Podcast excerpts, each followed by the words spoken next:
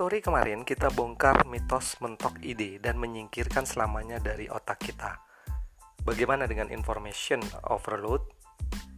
Information overload itu hanyalah sebuah konsep yang dijual, tanda kutip, dan newbie begitu saja membelinya.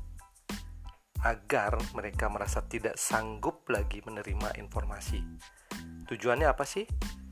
Membangun kebingungan sehingga akhirnya tidak tahu apa yang harus dilakukan untuk membangun bisnis. Selanjutnya, Kang Guru yang doyan nongkrong di Facebook kemudian mengeluarkan obat mengatasi masalah ini dengan solusi puluhan ratusan video.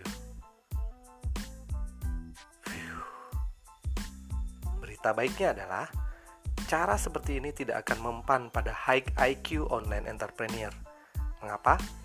Karena Anda dan saya paham, seorang online entrepreneur sebenarnya tidak pernah mengalami information overload. Tapi apa yang terjadi adalah rasa frustasi karena kehilangan gairah untuk action. Lalu apa yang harus dilakukan?